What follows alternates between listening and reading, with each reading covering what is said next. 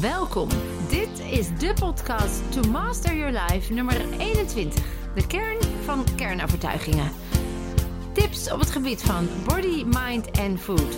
Mijn naam is Vilna van Betten en ik heb er super veel zin in. Een hele goede lievelingsdag. Dames en mensen, vandaag weer een nieuwe podcast. En wel over kernovertuigingen. En voordat ik aan deze podcast ooit begon, had ik de overtuiging dat het misschien wel niets voor mij was, of dat ik dat toch niet kon, omdat ik nog nooit radio had gemaakt, of dat ik daar geen stem voor had. En die overtuiging die zorgde ervoor dat ik het uitstelde en dat ik wachtte en dat ik niet in actie kwam. Ik was me heel erg bewust van die overtuiging. En toch deed ik er nog even niets mee. Ik had ook nog heel veel andere dingen te doen. Totdat ik me realiseerde dat juist de luisteropnames voor mensen zo lekker laagdrempelig zijn. En uh, totdat iemand tegen me zei: Je hebt juist een prachtige stem. Ik heb ook jouw meditatie-CD's wel eens beluisterd. En uh, ja, voor mij werkt het juist heel erg goed. En dat maakte dat mijn kernovertuiging een beetje ging wankelen. En nou weet ik wel heel veel over kernovertuigingen. Uh, en, onder andere ben ik daarin geïnspireerd door Bruce Lipton. Dat is een celbioloog en oud-docent aan de medische faculteit van de Universiteit van Wisconsin. Hij is ook onderzoeker geweest aan de Stanford University School of Medicine. Inmiddels uh, heel veel lezingen gegeven. Hij zit ook in uh, de film What the Bleep Do We Know. In de documentaire Heal komt hij weer terug. Een van mijn grote rolmodellen en voorbeelden. En is de vertegenwoordiger van de nieuwe biologie. En hij is eigenlijk degene die baanbrekend onderzoek heeft verricht als het gaat over dat wij geen slachtoffer zijn van onze genen, maar dat we ons welbevinden kunnen beïnvloeden door onze gedachten, emoties en overtuigingen. Hij kwam tot de conclusie, nadat hij uitgebreid onderzoek had gedaan naar moleculaire processen waarmee cellen informatie verwerken. En daaruit bleek dat het niet de genen zijn die ons gedrag bepalen, maar dat de genen worden aan- en uitgezet door externe factoren. Dus ze worden getriggerd door onze waarnemingen en onze gedachten en overtuigingen. Professor Lipton, dus Bruce Lipton, die toont dan aan dat overtuigingen, of ze nu waar zijn of niet, positief of negatief, die activiteit op dat genetisch niveau beïnvloeden en zelfs onze genetische code veranderen. Dus Bruce Lipton's uiterst hoopvolle bevindingen worden dan ook beschouwd als een van de grote doorbraken in de nieuwe wetenschap. Ja, het lijkt erop dat wij ons bewustzijn zodanig kunnen trainen dat we gezonde overtuigingen kunnen scheppen en daarmee hebben we de sleutel in handen tot een gezonder en gelukkiger leven. En daar wil ik het vandaag met jullie over hebben. Wat is dan een kernovertuiging en vooral hoe creëer je die zodat ze voor jou werken? Ik heb al eens een keer een podcast gegeven over de kracht van taal. En de kracht van taal ligt eigenlijk dicht bij de kernovertuiging. Als je kijkt naar neurochemische processen, dan is dat niets anders dan een netwerk van allemaal kleine draadjes, allemaal celletjes, die als ze met elkaar willen verbinden, draadjes naar buiten met dendrieten eraan, en die zorgen ervoor dat op het moment dat er een boodschap binnenkomt, de prikkel via dat draadje en die dendrieten naar een volgend draadje gaat met ontvangers, waardoor de boodschap ook doorgegeven kan worden. En op het moment dat die boodschap als dat elkaar raakt, wordt doorgegeven, dan hebben we het over neurotransmitters en wordt er een chemisch stofje vrijgemaakt. En dat zorgt of voor een lekker gevoel of voor een minder lekker gevoel. Nou, op het moment dat je dus een boodschap doorgeeft, dan wil je dat lekkere gevoel natuurlijk hebben voor gezond en gelukkig leven. Als jij geboren wordt, dan heb jij miljarden zenuwcellen die nog kunnen verbinden. En eigenlijk zeggen we dan dat je alles in huis hebt om te worden wie je wil zijn. Uh, qua potentie, qua vaardigheden en qua mogelijkheden bij een neurologisch gezond brein. Elke keer als jij iets ziet, denkt, doet, voelt of hoort en input krijgt vanuit de omgeving, dan gaat zo'n neuron, een zenuwcel, wordt dan actief, zendt een boodschap uit, maakt een stofje aan. En dan zeggen ze wel dat er een soort chemische, elektrische reactie is in dat brein, die zorgt dat op een gegeven moment iets een gewoonte wordt. Elke keer als je dat namelijk herhaalt, dan wordt dat paadje dat daar ligt, dat verbonden is, inmiddels sterker, slijt dieper in. En komt het te liggen in het onbewuste deel van het brein, de onderste laag van het brein. En dat is een veel minder plastisch deel van het brein. En dan word je eigenlijk dat deel van je brein. Dus we identificeren ons met al die eerst aangeleerde patroontjes die langzaam zijn ingesleten en tot een werkelijkheid zijn verworden waarin wij nu vinden dat dat waar is. En een mooi voorbeeld daarvan, die ik vaak geef in mijn seminars, is het verhaal van Sinterklaas. Iedereen die in Nederland is geboren, die ik ken, heeft ook het verhaal van Sinterklaas meegekregen. Nou, dat lag nog helemaal niet klaar in dat brein toen jij geboren werd. Dat is gewoon ontstaan door een idee. Iemand zei tegen jou: Goh, er is een man met een lange baard die al ouder is dan 500 jaar en ieder jaar op 5 december cadeautjes komt brengen. En op het moment dat jij lief bent, weet je zeker dat je een cadeautje krijgt. En die man die draagt een tabbert en een mijter en heeft een gouden staf. En op dat moment is dat idee slecht nog een dunne verbinding in je brein. Ik vergelijk het wel eens met een zaadje wat in de grond is gestopt. Kan dat zaadje uitgroeien tot een prachtige boom? Ja, dat kan. Hoe? Door self-fulfilling prophecy. Dus uiteindelijk zie je dan dat um, als alles wat je wil weten over Sinterklaas, of wat je moet weten om dat idee te verstevigen, dat wordt dan bevestigd door wat je in je omgeving waarneemt. Nou, denk maar aan het Sinterklaasjournaal of aan de pepernoten of aan het bezoek van Sinterklaas, de stoomboot, de etalages die vol liggen, je schoen zetten, um, maar ook liedjes zingen. Nou, al die nieuwe ideeën die samenvallen met dat idee van Sinterklaas bestaat, worden eigenlijk de wortels van dat zaadje. Dat zaadje groeit uit met wortels en is het fundament voor die dikke, vette, prachtige boom waarop staat Sinterklaas bestaat. In jouw brein is er dus dan een neuronenteam ontstaan van allerlei verbindingen die net als die boom diep geworteld liggen in het diepe laag van het brein en dat zorgt ervoor dat als er nu een nieuw impuls binnenkomt, dat een beroep doet op Sinterklaas bestaat, die direct gaat naar die dikke boom. En daar of het nog meer versterkt of activeert, waardoor je ook alles dan ziet in relatie tot Sinterklaas bestaat. Nou, dat herkennen we waarschijnlijk allemaal. Dat op het moment dat dan je ziet dat Sinterklaas eigenlijk niet eruit ziet zoals de vorige Sinterklaas. Of hij heeft de schoenen aan van de opa van je beste vriendinnetje of je beste vriendje. Dan verklaar je dat als dat is toeval of dit is een hulp Sinterklaas, omdat het idee dat hij niet bestaat veel minder sterk aanwezig is dan het idee dat hij wel bestaat. En dan wint dus dat dieper liggende patroon, dat dikkere patroon, die wint dan van het nieuwe idee wat slechts een dun patroontje is en wat nog hoger ligt in je brein. En zo kan het dus dat we dingen voor waar aannemen die niet waar zijn, maar wel voor jou de werkelijkheid zijn die het gevoel geven dat het waar is. En omdat het het gevoel geeft dat het waar is, voel jij je ook comfortabel bij dat idee.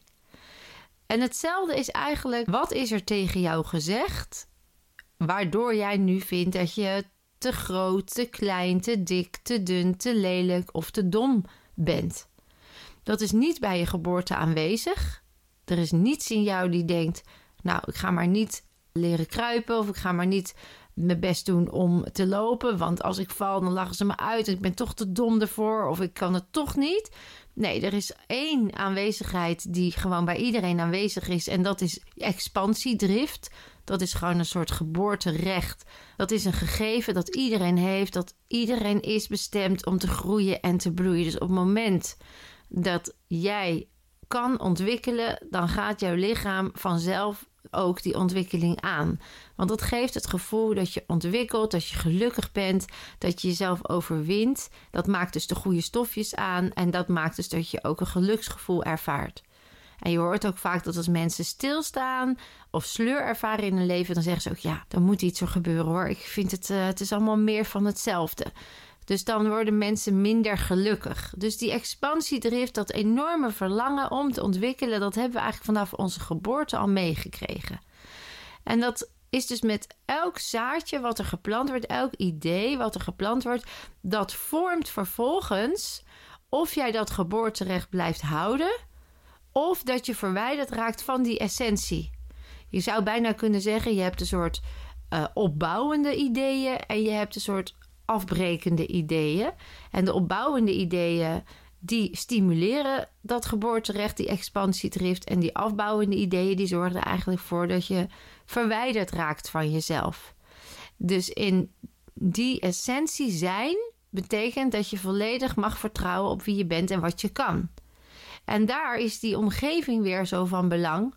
Want wat zij de hele tijd tegen jou zeggen, heeft dus effect op wat jij gaat geloven over jezelf. En we hebben van Bruce Lipton geleerd dat als dat dus negatief is, als je het zou moeten bestempelen als negatief of destructief of niet helpend, dan voorkomt dat dus dat jij ook je ontwikkelt op de manier die voor jou bedoeld is.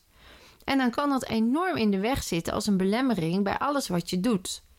En ik kom natuurlijk heel vaak mensen tegen die praten ook in die belemmerende overtuiging alsof het waar is. En als je ze daarmee confronteert, dan zeggen ze: Ja, maar je moet wel realistisch blijven, want het is nou eenmaal een feit dat ik niet goed ben in. En dan noemen ze iets op waarvan zij geloven dat ze er niet goed in zijn. Is dat waar? Nee, het is hun waarheid waar ze zich aan vasthouden. En dat zie je ook bij zo'n uh, een diep neuronenteam, wat dan diep liggend ligt. Ja, dat is zo comfortabel en dat is zo gewoon geworden dat we onszelf verwarren, onze identiteit verbinden aan die neuronenteams. Dus dan zeggen we: Ik ben zo. En dat is niet zo. Je doet zo omdat dat patroon daar ligt. En je hebt altijd een keuzevrijheid tussen de stimulus, de prikkel die je binnenkrijgt en de respons, het antwoord dat jij geeft, zit een ruimte. En die ruimte die komt samen in een neuronenteam. Als daar een neuronenteam ligt dat zegt je bent niet goed genoeg, dan bepaalt dat de respons die je geeft op de prikkel. Als iemand tegen jou zegt jij moet morgen een presentatie geven en jij hebt als neuronenteam ik ben introvert en ik ben heel slecht in presenteren, dan zal de respons zijn dat je misschien hartkloppingen krijgt of angstig of paniekaanvallen. Of dat je het vermijdt, dat je denkt, nou, ik meld me morgen af. Of uh, je gaat in de weerstand of je wordt boos. Kortom, jouw neuronenteam, jouw kernovertuiging is dan bepalend voor de respons die je geeft op de prikkel die je krijgt. Terwijl een ander iemand die gelooft dat heel, hij of zij heel goed is in presenteren. Die gelooft dat het leuk is om voor een groep te staan. Die gelooft dat wat hij of zij te vertellen heeft interessant is. Ja, die zal op dezelfde prikkel, jij moet morgen een presentatie geven, zeggen: Oh, wat leuk, waar gaat het over? En dat is allemaal bepaald door die kernovertuiging. Dan gaan we even terug naar dat genenverhaal.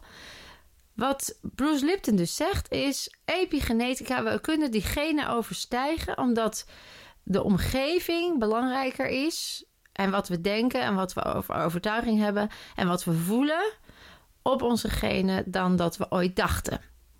En daar is een heel bijzonder onderzoek naar gedaan. Ze hebben een-eiige tweelingen over de hele wereld hebben ze onderzocht. En een van die tweelingen die was dik geworden. Die had overgewicht. En dat zat niet in het oorspronkelijke gen. Dus de vraag die de wetenschapper stelde was: hoe komt het dat jij kennelijk de dikmaakgen hebt geactiveerd?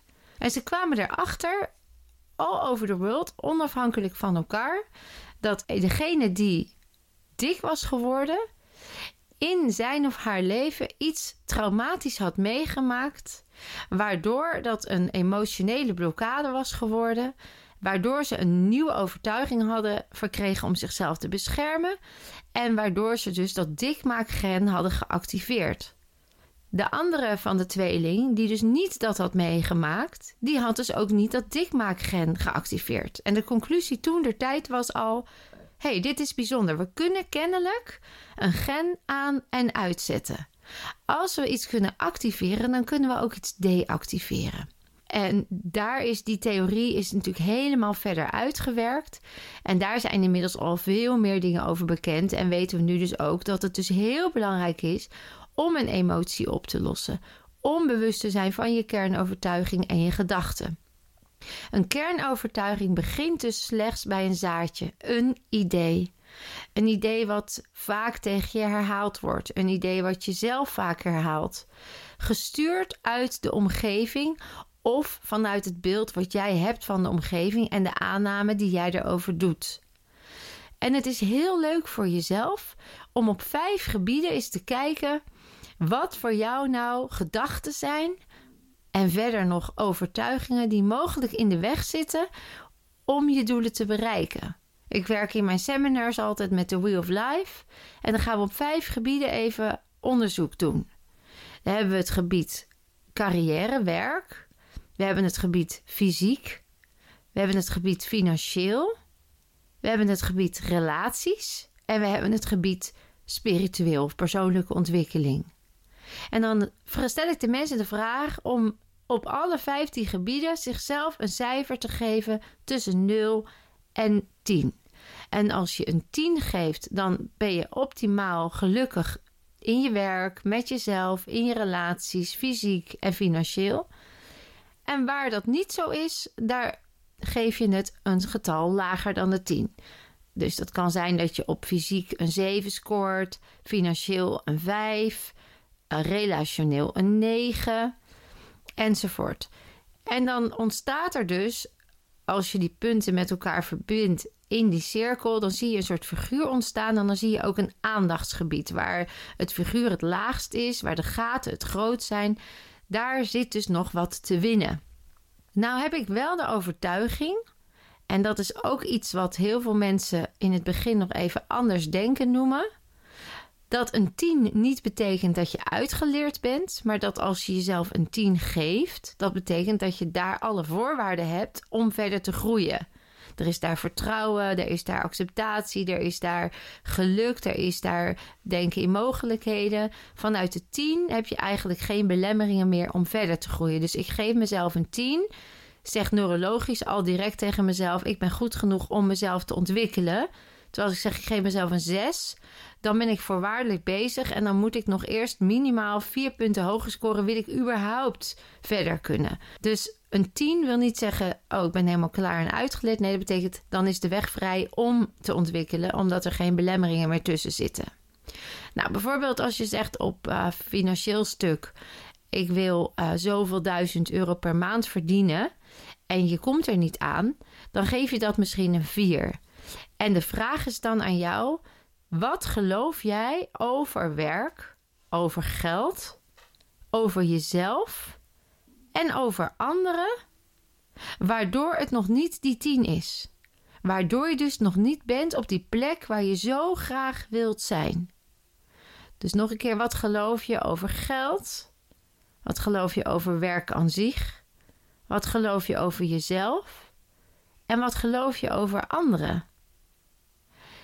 En schrijf dat voor jezelf eens uit. En als je dat voor jezelf hebt uitgeschreven, stel dat daarop uitkomt: ik ben voor een dubbeltje geboren, dus ik zal nooit een kwartje worden. Of als ik mijn droombaan heb, dan zal het vast wel niet goed gaan, want ik ben niet slim genoeg. Of mensen zullen me op een gegeven moment wel doorhebben dat ik niet echt kan wat ik zeg dat ik kan. En als je dat uitschrijft, dan is het heel leuk om achter die zin die je hebt opgeschreven de volgende vraag te stellen. Wat als dat waar is? Wat zegt dat over jou? Stel dat dat waar is. Wat zegt dat over jou? Dus bijvoorbeeld, nou, ze zullen me wel doorhebben dat ik niet echt kan wat ik zeg dat ik kan. Stel dat dat waar is, wat zegt dat over jou? Het antwoord daarop is natuurlijk ja, dat ik zelf niet geloof dat ik het kan. Stel dat dat waar is. Wat zegt dat over jou? Ja, dat ik twijfel aan mijn eigen kunnen. Stel dat dat waar is. Wat zegt dat over jou? Ja, dat ik mezelf eigenlijk verlaag. Stel dat dat waar is. Wat zegt dat over jou? Ja, dat ik mezelf dus misken dat ik niet goed genoeg ben.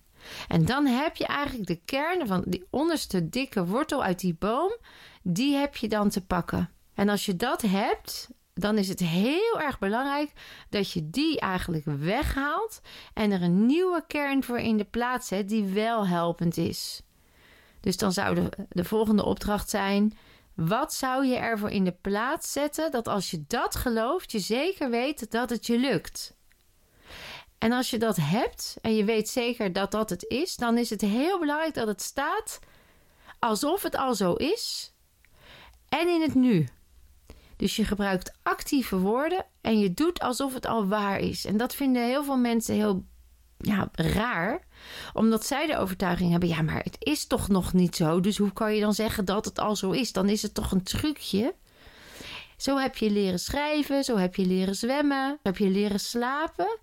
Alles is uiteindelijk een manier, een strategie die je vaak hebt geoefend, waardoor je het doet op de manier waarop je het doet. Jouw brein kent geen verschil tussen fantasie en werkelijkheid. Jouw brein kent ook tijd helemaal niet. Dus als jij gaat zeggen: Ik hoop dat ik in de toekomst misschien de baan krijg die ik wil, omdat ik denk dat ik dan goed genoeg ben om wellicht ooit die taak te kunnen klaren, dan is dat voor je brein compleet ver weg, onduidelijk en maakt niet de stoffen aan die nodig zijn om het ook actief in je systeem te krijgen. Dus wat je dan zegt: Ik heb de droombaan, ik ben goed genoeg, ik kan het, ik doe het, ik wil het. Ik hou van mezelf, ik vertrouw op mezelf. Ik weet dat ik werk vind wat bij me past. Het werk komt naar me toe. En dat geldt ook voor je gezondheid. Als mensen zich niet goed voelen, dan zeg ik: begin eens met te affirmeren, met tegen jezelf te zeggen dat je gezond en heel bent. Dat wil nog niet zeggen dat het op dat moment waar voelt, maar het kan nooit waar worden als je er niet mee begint. En neurologisch zeggen ze dan dat je dat dan 21 dagen dient te herhalen of minimaal 10.000 keer voordat dat patroon zich weer nestelt. In de Body Mind Reset doen we dat op een veel effectievere methode, middels fysiologie die we aanpassen, werken met het onbewuste en een energieveld doorbreken vanuit de gewenste situatie. En dan zien we echt dat het direct integreert in een nieuwe toestand van bewustzijn, waarin de nieuwe overtuiging waar voelt en eigenlijk dat hele oude bewustzijn waar je dacht dat het niet zo was, verdwijnt. Net als dat je nu zeker weet dat Sinterklaas niet bestaat, weet je dan ook zeker dat je goed genoeg bent en dat je het kan. En dat komt omdat wij niet werken met alleen de mindset. Dat is namelijk heel erg cognitief in het bovenste laagje van het brein. Maar we werken vooral met die onbewuste programma's die jij continu afdraait. Door dat weg te vagen en te herprogrammeren, zien we ook dat het gewoon in gedachten, in gedrag en in emotie anders wordt. Nou kan het natuurlijk zijn dat jouw kernovertuiging nog geblokkeerd ligt omdat er een emotie op ligt. Ook dat halen we dan met die body and mind reset weg. Dus het is heel belangrijk dat je bewust wordt van wat geloof ik over mezelf en wat maakt dat ik die overtuiging nog niet los kan laten. Is daar iets gebeurd? Wil ik het nog vasthouden? Want onderschat niet dat heel veel mensen belemmerende overtuigingen in hun systeem hebben gekregen of zelf hebben gezet. Niet omdat ze dat zo graag wilden, maar omdat het op dat moment nodig was om zichzelf te beschermen, om de pijn niet te hoeven voelen of om gewoon door te kunnen zonder dat ze heel veel schade kregen. En dat noemen we dan secondary gain. Dan levert die overtuiging die vroeger nodig was, nu nog steeds iets op om hem vast te houden. En het idee dat je ineens gelooft dat Sinterklaas niet bestaat, is dan zo beangstigend. Bijvoorbeeld, ik ben goed genoeg, ik kan die baan aan. Die is dan zo beangstigend, die doet zo'n beroep op een nieuw deel van jou. Dat mensen nog vast willen houden aan dat oude stuk, omdat dat nou, ondanks dat het niet handig was, wel lekker comfortabel voelde. En dat heeft ermee te maken dat dat oude deel zo diep geworteld ligt, dat het zo sterk is, dat het je terugtrekt in die veiligheid. En het kost gewoon veel minder energie om dat oude pad te bewandelen. Zie het maar als beenspieren trainen terwijl je altijd je armspieren hebt getraind.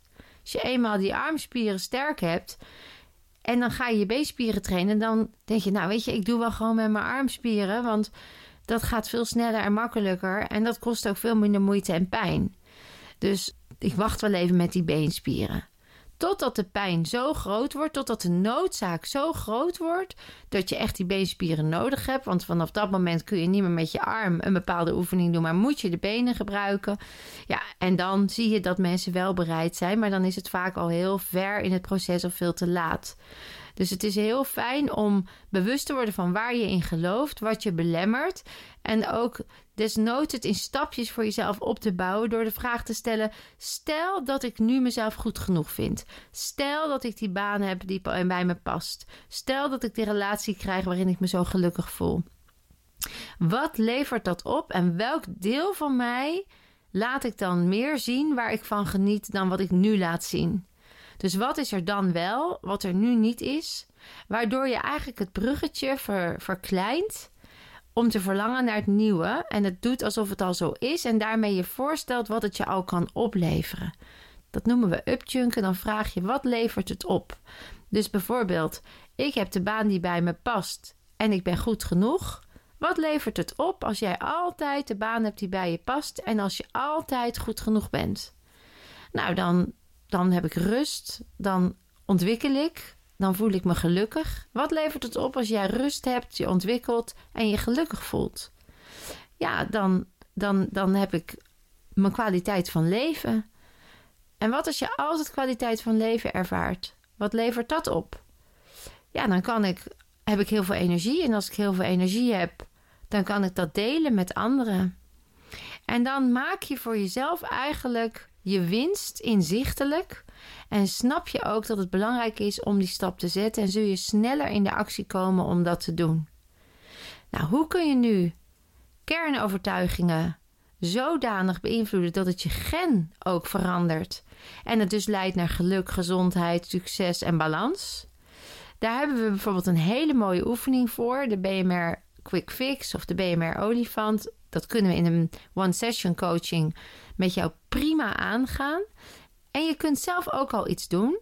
En dat is A, wat ik net zei. 1. Schrijf even op welke gaten jij ervaart op die vijf gebieden van de Wheel of Life. Welk cijfer geef je van 0 tot 10? En waar zit het grootste gat? En wat, welke belemmering zit daar dan tussen?